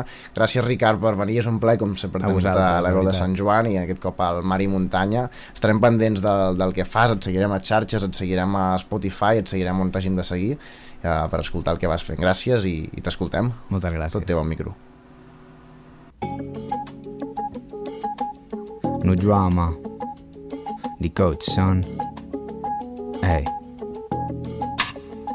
Quan sigui tot pols, ho hagi acceptat tot, hauré fet vàries voltes amb una rulot i hauré deixat enrere l'autoboicot. Tot em semblava un complot, però juraria que ara tinc el control sobre els meus actes. Em quedo sense tacte i començo a elevar-me com pedres de l'abastre, valors d'Alabama. Sacrificar una vida fins a passar una nit al teu ranxo, tocant el banjo. Llaunes de cervesa, balancí i un cigarro. Ho veig com un pacte de Faust. Homo és Deus, no fer les parades del camí de la creu terrejant les pedres del teu mausoleu. El vagabund em pregunta si tinc fred amb un abric com el que porto. Cago amb tot, s'ha comportat com si hagués baixat a la cripta. Jo li aparto la meva mirada d'Egipte. Ei, no drama. Bademe com fam. Listen up. Hey. Here comes the devil again, I see the evil again. They thought that I was salt on their shenanigans. You feel it? Recordo quan admirava els iris i només veia nit, asfalt i edificis Semblava difícil que en sortissis. Volia que sentissis el far del senyor gris del seu primer disc. Jo també he hagut de trobar el meu obelisc i córrer un risc. It's for the kids. Fins que se't corteixen els dits jo assegut buscant una pau de Dalai, està fent voltes la balai, ho veig tot fragmentat, Guy Ritchie. La passarel·la és llarga, cavalga, el dit entre les persianes em deixa veure Saigon, i no gens com la taiga, l'havia viscut. I recordo que tot aquest aire pur em servia d'escut, aim by no fish, I cook some quiche, el camí fins al paradís està pintat en guix. Uh, estic a la saleta, viatjant a la valeta, i penso que he passat la meva infància mirant els paletes com carreguen les galledes de mà en mà, no sabia que demà passaria set anys fent-ho al meu propi germà. Ho parlàvem un dia mentre sonaven beats de home, era Samma, intentàvem endevinar les trames que ens escrivia la life. Uh, ens sabíem la paraula com un cipher, that's how the sky's found. Ei, la veu de Sant Joan, moltes gràcies. Interessantíssima aquesta proposta de quilòmetre zero que ens ha portat en Guillem de Plana Gomà des de la veu de, de Sant Joan, eh, rap, eh, temes eh, molt interessants, eh, ens ha agradat molt que ens, eh, en aquesta secció doncs ens, ens apropessin aquesta, aquest grup, No Drama, eh, que hem pogut escoltar aquí al Mar i Muntanya. Nosaltres el que farem ara és fer uns consells publicitaris i de seguida tornarem amb més contingut. An anirem a una mica de música, una peça musical, publicitat i de seguida tornem que parlarem d'una proposta circ, pallasso, eh, ri riure... Ara us ho explicarem.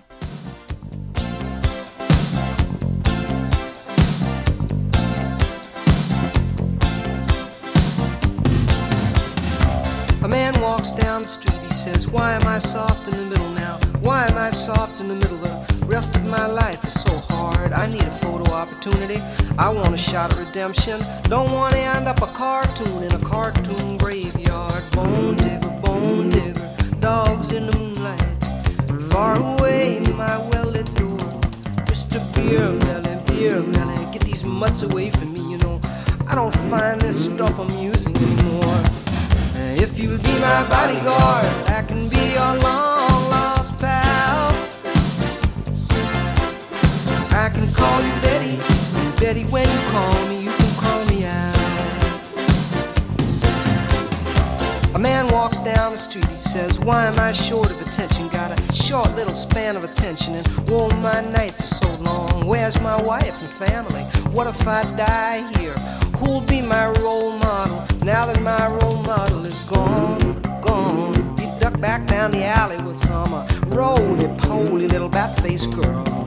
All along, along, there were incidents and accidents, there were hints and allegations. If you'll be my bodyguard, I can be your long lost pal. I can call you Betty,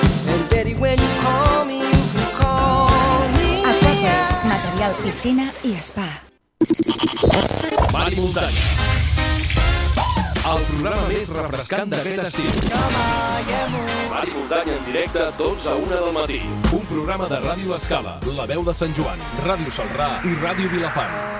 Doncs ens hi tornem a posar aquí al Mar i Muntanya, aquest programa que fem conjuntament amb totes aquestes emissores que comentava el, el nostre separador. Eh? Uh, ens en parlava en, en Quim Agustí uh, d'aquest espectacle uh, del Clompèlia que, que es farà uh, aquest dissabte 27 al Centre Cultural de Llançà a les 7 de la tarda i per explicar-nos doncs, uh, exactament uh, com és uh, Clompèlia i per descobrir-ne doncs, entre bambalines, podríem dir, doncs tenim a, l'estudi a l'Àngel Amieva, que és actor, director de la companyia Capa i Espasa, i a l'Estivali Barroso, que és llicenciada per la Real Acadèmia Conservatori de Dansa Mariema de, de Madrid i que també forma doncs, part d'aquest espectacle de Clompèlia. Benvinguts al Mar i Muntanya. Hola. Hola. I des de Salrà, des de Ràdio Salrà, Lluís Salavera, eh, també m'ajudaràs amb aquesta entrevista, eh, Lluís? Sí, bon dia a tots. Bon dia, Lluís. Uh, doncs uh, definiu uh, aquest Clompèlia com una comèdia romàntica de ciència-ficció on l'amor hi juga un paper destacat. Com encaixa tot plegat? Perquè són ingredients que a priori poden semblar una mica diferents, no?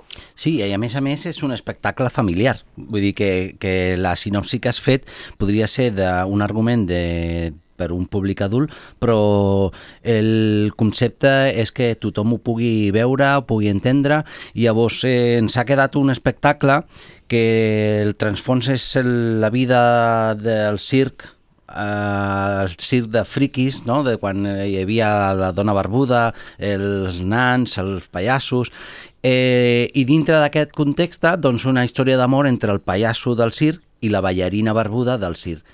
Eh, no desvelo més perquè, No, no perquè té, té una trama, no, no és un espectacle de pallassos a l'uso, de, de fer tonteries per fer tonteries, sinó té una història, té un guió i una, un, un inici, un, un nus i un desenllaç, i clar, fer spoiler doncs quedaria trencaria una miqueta. Tenim aquí eh, el, el pallasso i a, i, a la, i a la ballarina barbuda. No sé, Lluís, si vols preguntar alguna cosa. Parlàvem de barrejar ciència-ficció i amor, però quin paper té l'humor en aquesta obra? L'humor, eh, eh, eh, estem parlant d'un espectacle d'humor eh, gestual, o sigui, no, no fem servir la paraula, només és el gest, i la pantomima, eh, la música i els sorolls onomatopeics de, que podem fer nosaltres amb la boca o els efectes de so. Eh, L'humor eh, principalment és, és el 90%. Després, com hi ha un element que és l'Estivaliz, que és ballarina, hi ha una barreja de dansa i clown, no? que d'aquí una mica el nom de Clownpelia, que ve inspirat del ballet Copelia, que ja parlava d'un mestre que feia un, una nina i la gent li volia fer una broma i canviaven la nina per una de veritat i ell se- s'espantava, era una mena de, de Pinocho modern. Eh, nosaltres pues, tenim l'element de la ciència-ficció quan, quan eh, el pallasso, al perdre a la ballarina estimada, doncs es compra un robot, un robot a imatge i semejança de, de la ballarina i a partir d'aquí doncs, tots els problemes que pot tenir un pallasso amb un robot. Llavors que estem parlant de circ com vintage, però amb barreja de noves tecnologies com pot ser això, el robot. I ja t'he dit que és un espectacle molt actual perquè el tema de la robòtica cada vegada més realista eh, està molt en boga i, i bueno, espectacle també incursiu per, pel tema de la dona amb barba, que tampoc estem fent un, un, una no sé, no, fe- fent això, que, est Sí, que estem... que, que si vols tenir barba, tens barba, Sí, és igual... sí, sí, sí, no, que l'estereotip de la bellesa doncs és, eh, està aquí, pues bueno, el pallasso s'enamora d'u- d'una dona barbuda, no passa res. A més a més, parlaves ara abans, Àngel, eh, del, dels dos llenguatges, eh? el llenguatge del, del clown, que, que series més tu, i el llenguatge de la dansa, que seria més la- l'Estivali. Uh, com, com, com és aquest diàleg entre dansa i, i humor gestual, Estivali? No, no sé, com, com, com us comuniqueu a través de la dansa i, i l'humor gestual? Eh, bueno, perdón porque no hablo catalán. No pasa puedo- res, Estíbali. Eh, es muy fácil porque el humor gestual, o sea, es también movimiento, al fin y al cabo, y es danza. Yo sí me he tenido que dejar llevar mucho por Ángel porque en, en el, en el humor gestual, pues eh, hay que decir cosas, eh, no tan abstracto como la danza, pero al final es movimiento. Y al final es contar cosas con movimiento y sin palabras. Así que se dan la mano de, de, de una manera muy fácil y encajan muy, muy, muy bien. Aquesta comunicació eh, que dèiem uh, és fàcil. Uh, Lluís? Sí. Uh, Capa i Espasa porta més de 30 anys creant espectacles d'humor i ara neix Clown Pèlia, un espectacle d'humor sense paraules on un pallasso i una ballarina barbuda s'enamoren. D'on va sorgir la idea? És veritat que portem, ara que ho dius, quasi més de 30 anys amb les seves pauses, efectivament, perquè no, eh, no, hem d'oblidar que va veure, bueno, encara estem sortint un període de crisi i, i aquí eh, Clompelia ara és, el, és després de 9 anys és el que jo no estava creant res.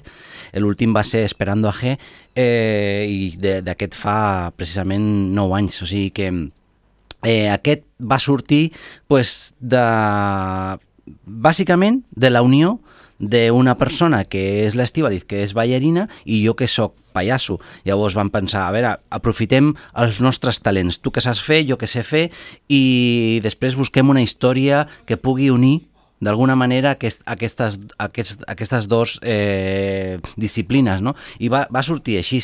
Eh, no, no hi ha més. Després, bueno, que ens agrada Bueno, también es nuestra historia, ¿no? Nos enamoramos y nos conocimos él como payaso y yo como bailarina. Ah, expliqueu això aquí. Sí, eh, I aquí hi ha una història d'amor real, doncs. Sí, o sigui, és basados en hechos reales. Basat en fets reals, a més a més. Ostres, eh, això cal que els nostres oients que, que s'acostin a, a llançar aquest dissabte, que ho sàpiguen, eh, que hi ha una, una història real al darrere. Expliqueu, Sí. expliqueu. Eh, nosaltres, jo treballava com a, co, eh, com a pallasso còmic en un circ a Suïssa durant 3 o 4 anys i ella va entrar en una de les edicions eh, com a ballarina del, del el cos de ball i ens vam anar en allà i des de llavors pues, estem, estem, som parella i clar, ja, ja, ja eh, en la pista del circ i darrere de la pista del circ ja, ja fèiem aquestes bromes i molts dels gags i molts de, de les idees que després una mica manipulades han, han donat joc a, a, a molts de,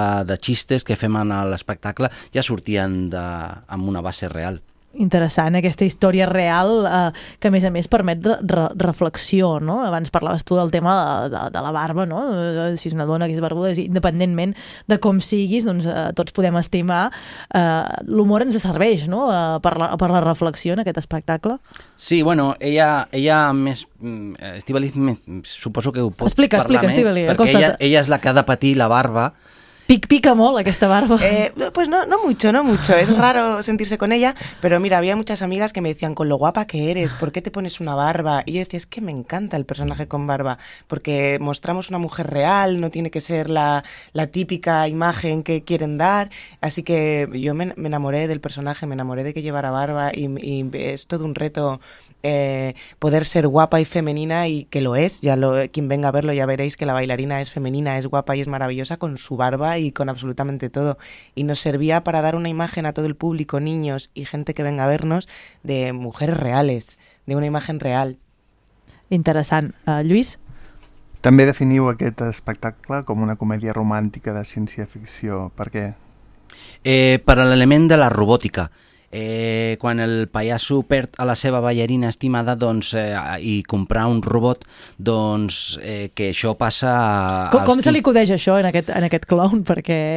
Pues, bueno... bueno perquè podria, podríem dir que això pot, segurament passa en el món. Sí, sí. Bueno, el, el pallasso perd amb un, d'accident tràgic, perd la ballarina, eh, quan més se l'estimava, quan l'ha demanat la mà per casar-se, eh, i llavors es queda com deprimit i veu la notícia en un diari com el podríem veure nosaltres, com realment veiem les notícies de, de mira, ha sortit una muñeca realista, un robot realista, i ho veiem al, al, als, als diaris. I ell ho veia al diari i llavors se li acudeix que, per què no, de trucar, demanar un robot que sigui calcada a la ballarina. El que passa és que un robot és un robot eh, i té molts de problemes. Però, bueno, eh, la història d'amor entre un pallasso... És, és que té un punt de surrealisme, però genera... El, el punt figuerenc, no? El punt figuerenc d'alinear, té, té, però genera això, la barreja d'un pallasso i una ballarina robot eh, barreja, o sigui, genera uns, una sèrie de gags que, que bueno, potser no s'han vist mai d'aquesta manera, no? Clar, a més a més, em fa, em fa pensar no? el tema de l'amor i la tecnologia, que moltes vegades potser eh, petits robots que tenim cada dia, doncs, com poden ser els, els aparells electrònics, el, els mòbils i així, substituïm una mica el que és el, el carinyo no? o, o les relacions humanes. Eh, també és una mica, amb aquesta obra, amb aquest Clownpelia, doncs, reflexionar això, que a vegades les màquines no son com les persones. Eh, fa que sí. Sí, sí, o sea, básicamente es eso, el robot se encuentra con que quiere copiar la imagen de la bailarina y es un montón de problemas porque no es su bailarina, no es la persona humana al final y por más que quiera humanizarla y tal, pues eh, estos problemas son los que sacamos, que, que, le dan el toque de ciencia ficción, pero los sacamos en tono comedia, ¿no? Que es muy guay, hacemos que se pueda reír de eso, pero al final tiene un fondo que te hace reflexionar Clar, sobre una- esto. un punt trist, eh, podríem dir, fins i és, tot. És, és melodra... No és un, un espectacle de rialla contínua, barreja rialla i llagrimeta. Sí. Perquè... Sí, que vinguem preparats perquè serà una muntanya rússia de, de sensacions, Sí. no? Sí. Sí, la veritat és que sí, eh, tot i que en un 85% és, de, és happy, té un final happy i, i riuràs tota l'estona, però hi ha moments que la música ajuda molt, la música ajuda molt en els moments d'aquests tristos i, i bueno, ha sigut bueno, el- feedback que hem tingut amb, en- del públic que l'ha vist fins ara és això, de que eh, rius però també se te fa un nus a la gola, eh? Uh, Lluís, uh, parlant per del què riure... és tan important? Sí, per vosaltres per què és tan important riure?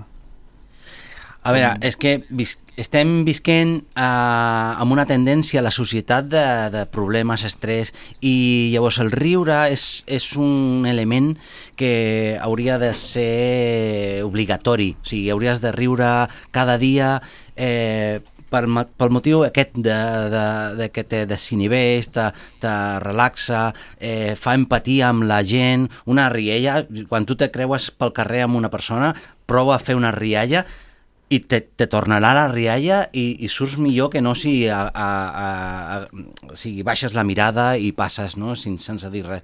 O sigui, el riure, es- bueno, no, no estic descobrint res, que és una, algo terapèutic eh, i ajuda a la, la interrelació entre els éssers humans, o sigui que és molt important. S'ha s'ha de, s'ha de Digues, Lluís, volies... Sí, i, al, I alhora afegiu aquest eh, 15% que dius de, de tristor, com és?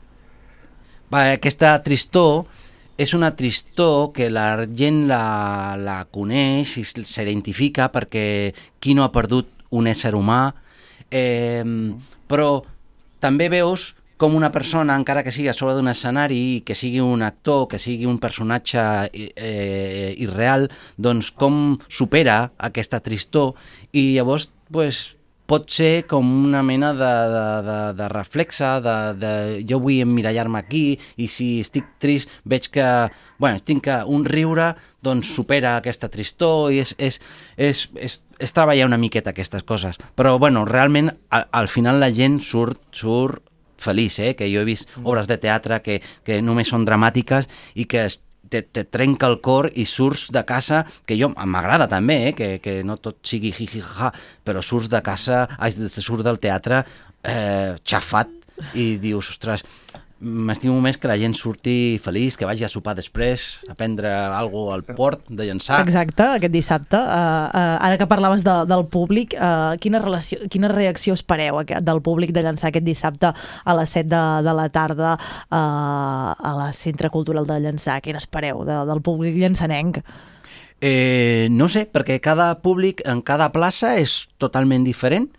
Eh, no sabem què tindrem, si molts nens, molt, gent, molta gent gran, eh, no sé, és un horari també d'un dissabte a les 7, eh, no sabem què, perquè nosaltres que estem vesquent allà veiem que les platges estan a tope, eh, fa molta calor aquests dies i però bueno, és un, una oportunitat i un de refrescar-se allà dintre de la sala mirant un espectacle eh, únic que ja us dic que està recent estrenat a Figueres fa tres mesos i que bueno, se'n parlarà molt perquè estic convençut que guanyarem molts de, molts de premis en els festivals que anirem, no tan sols a nivell estatal, sinó a nivell internacional. Ja estem, estem apostant per, per participar en, en, en festivals importants de teatre per, per guanyar premis, perquè sabem que aquest espectacle guanyarà premis. El Lluís volia fer una pregunta, perdona, Lluís, que abans t'he sí, tallat. Amb, amb, en relació amb el tema que parlàvem abans, eh, es pot dir que és una obra resilient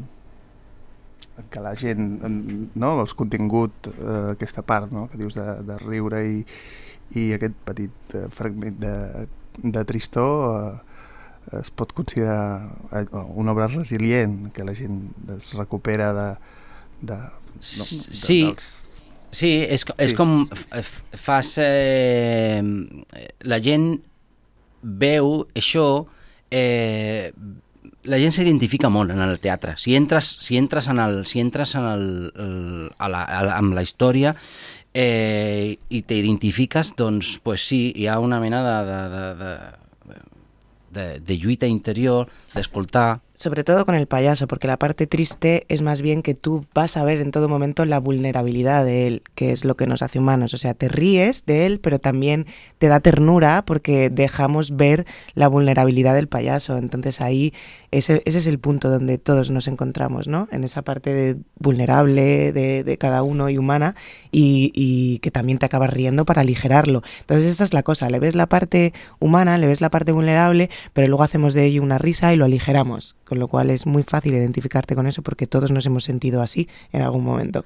Doncs esperem molts èxits, que aquest dissabte 27 de juliol al Centre Cultural de Llançà a les 7 de la tarda doncs el públic s'ho passi d'allò més bé, gaudeixi, que estigui trist en els moments que hagi d'estar trist, que rigui molt.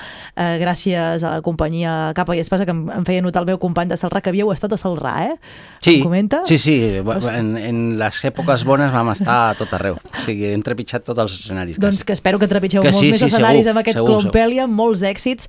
Gràcies, Àngela Mieva i Estivali Barroso, per acompanyar-nos avui al Mar i Muntanya. Gràcies a vosaltres. Nosaltres ara el que fem, eh, fem una proposta musical que de seguida obrirem línies pel, pel concurs perquè tenim en joc dues entrades per anar a l'Aqua Brava. Així que molt atents al Mar i Muntanya.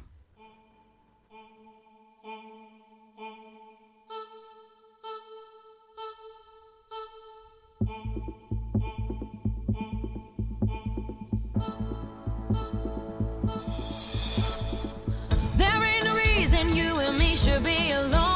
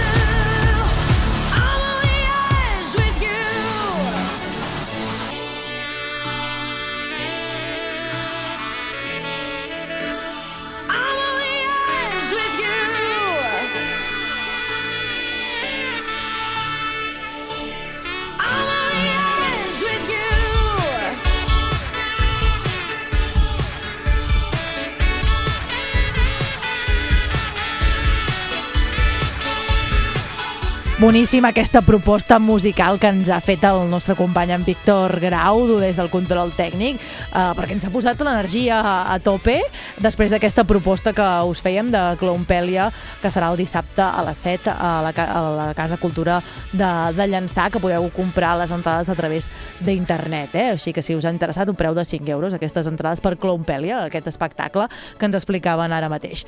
Ara el que volem fer és sortejar dues entrades per l'Aqua Brava, per poder gaudir de tots els tobogans que hi ha en aquest parc aquàtic. Tenim dues entrades, les primeres dues trucades s'emportaran cadascuna una entrada.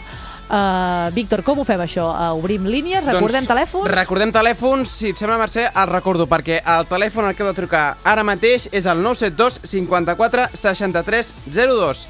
972 54 63 02. Regalem dues entrades, una per cada persona que truqui. O sigui, dues trucades que agafarem, una per cadascú. Ja tenim aquestes primeres trucades, Mira, així que, Mercè, doncs, si et sembla, sí. continuem escoltant una mica de música Exacte. i agafem aquestes trucades.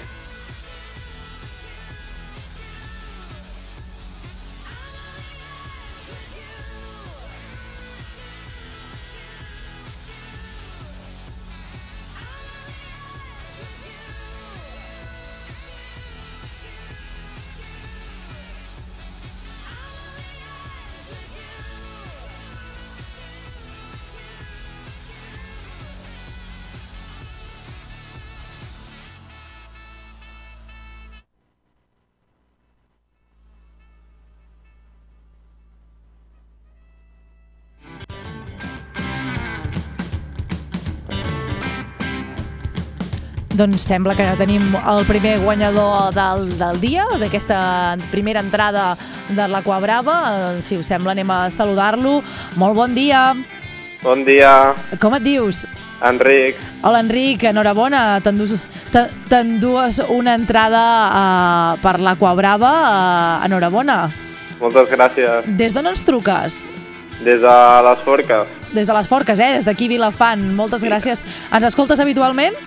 Sí, i tant. Perfecte. Què et sembla el programa? Doncs molt guai. Entretingut.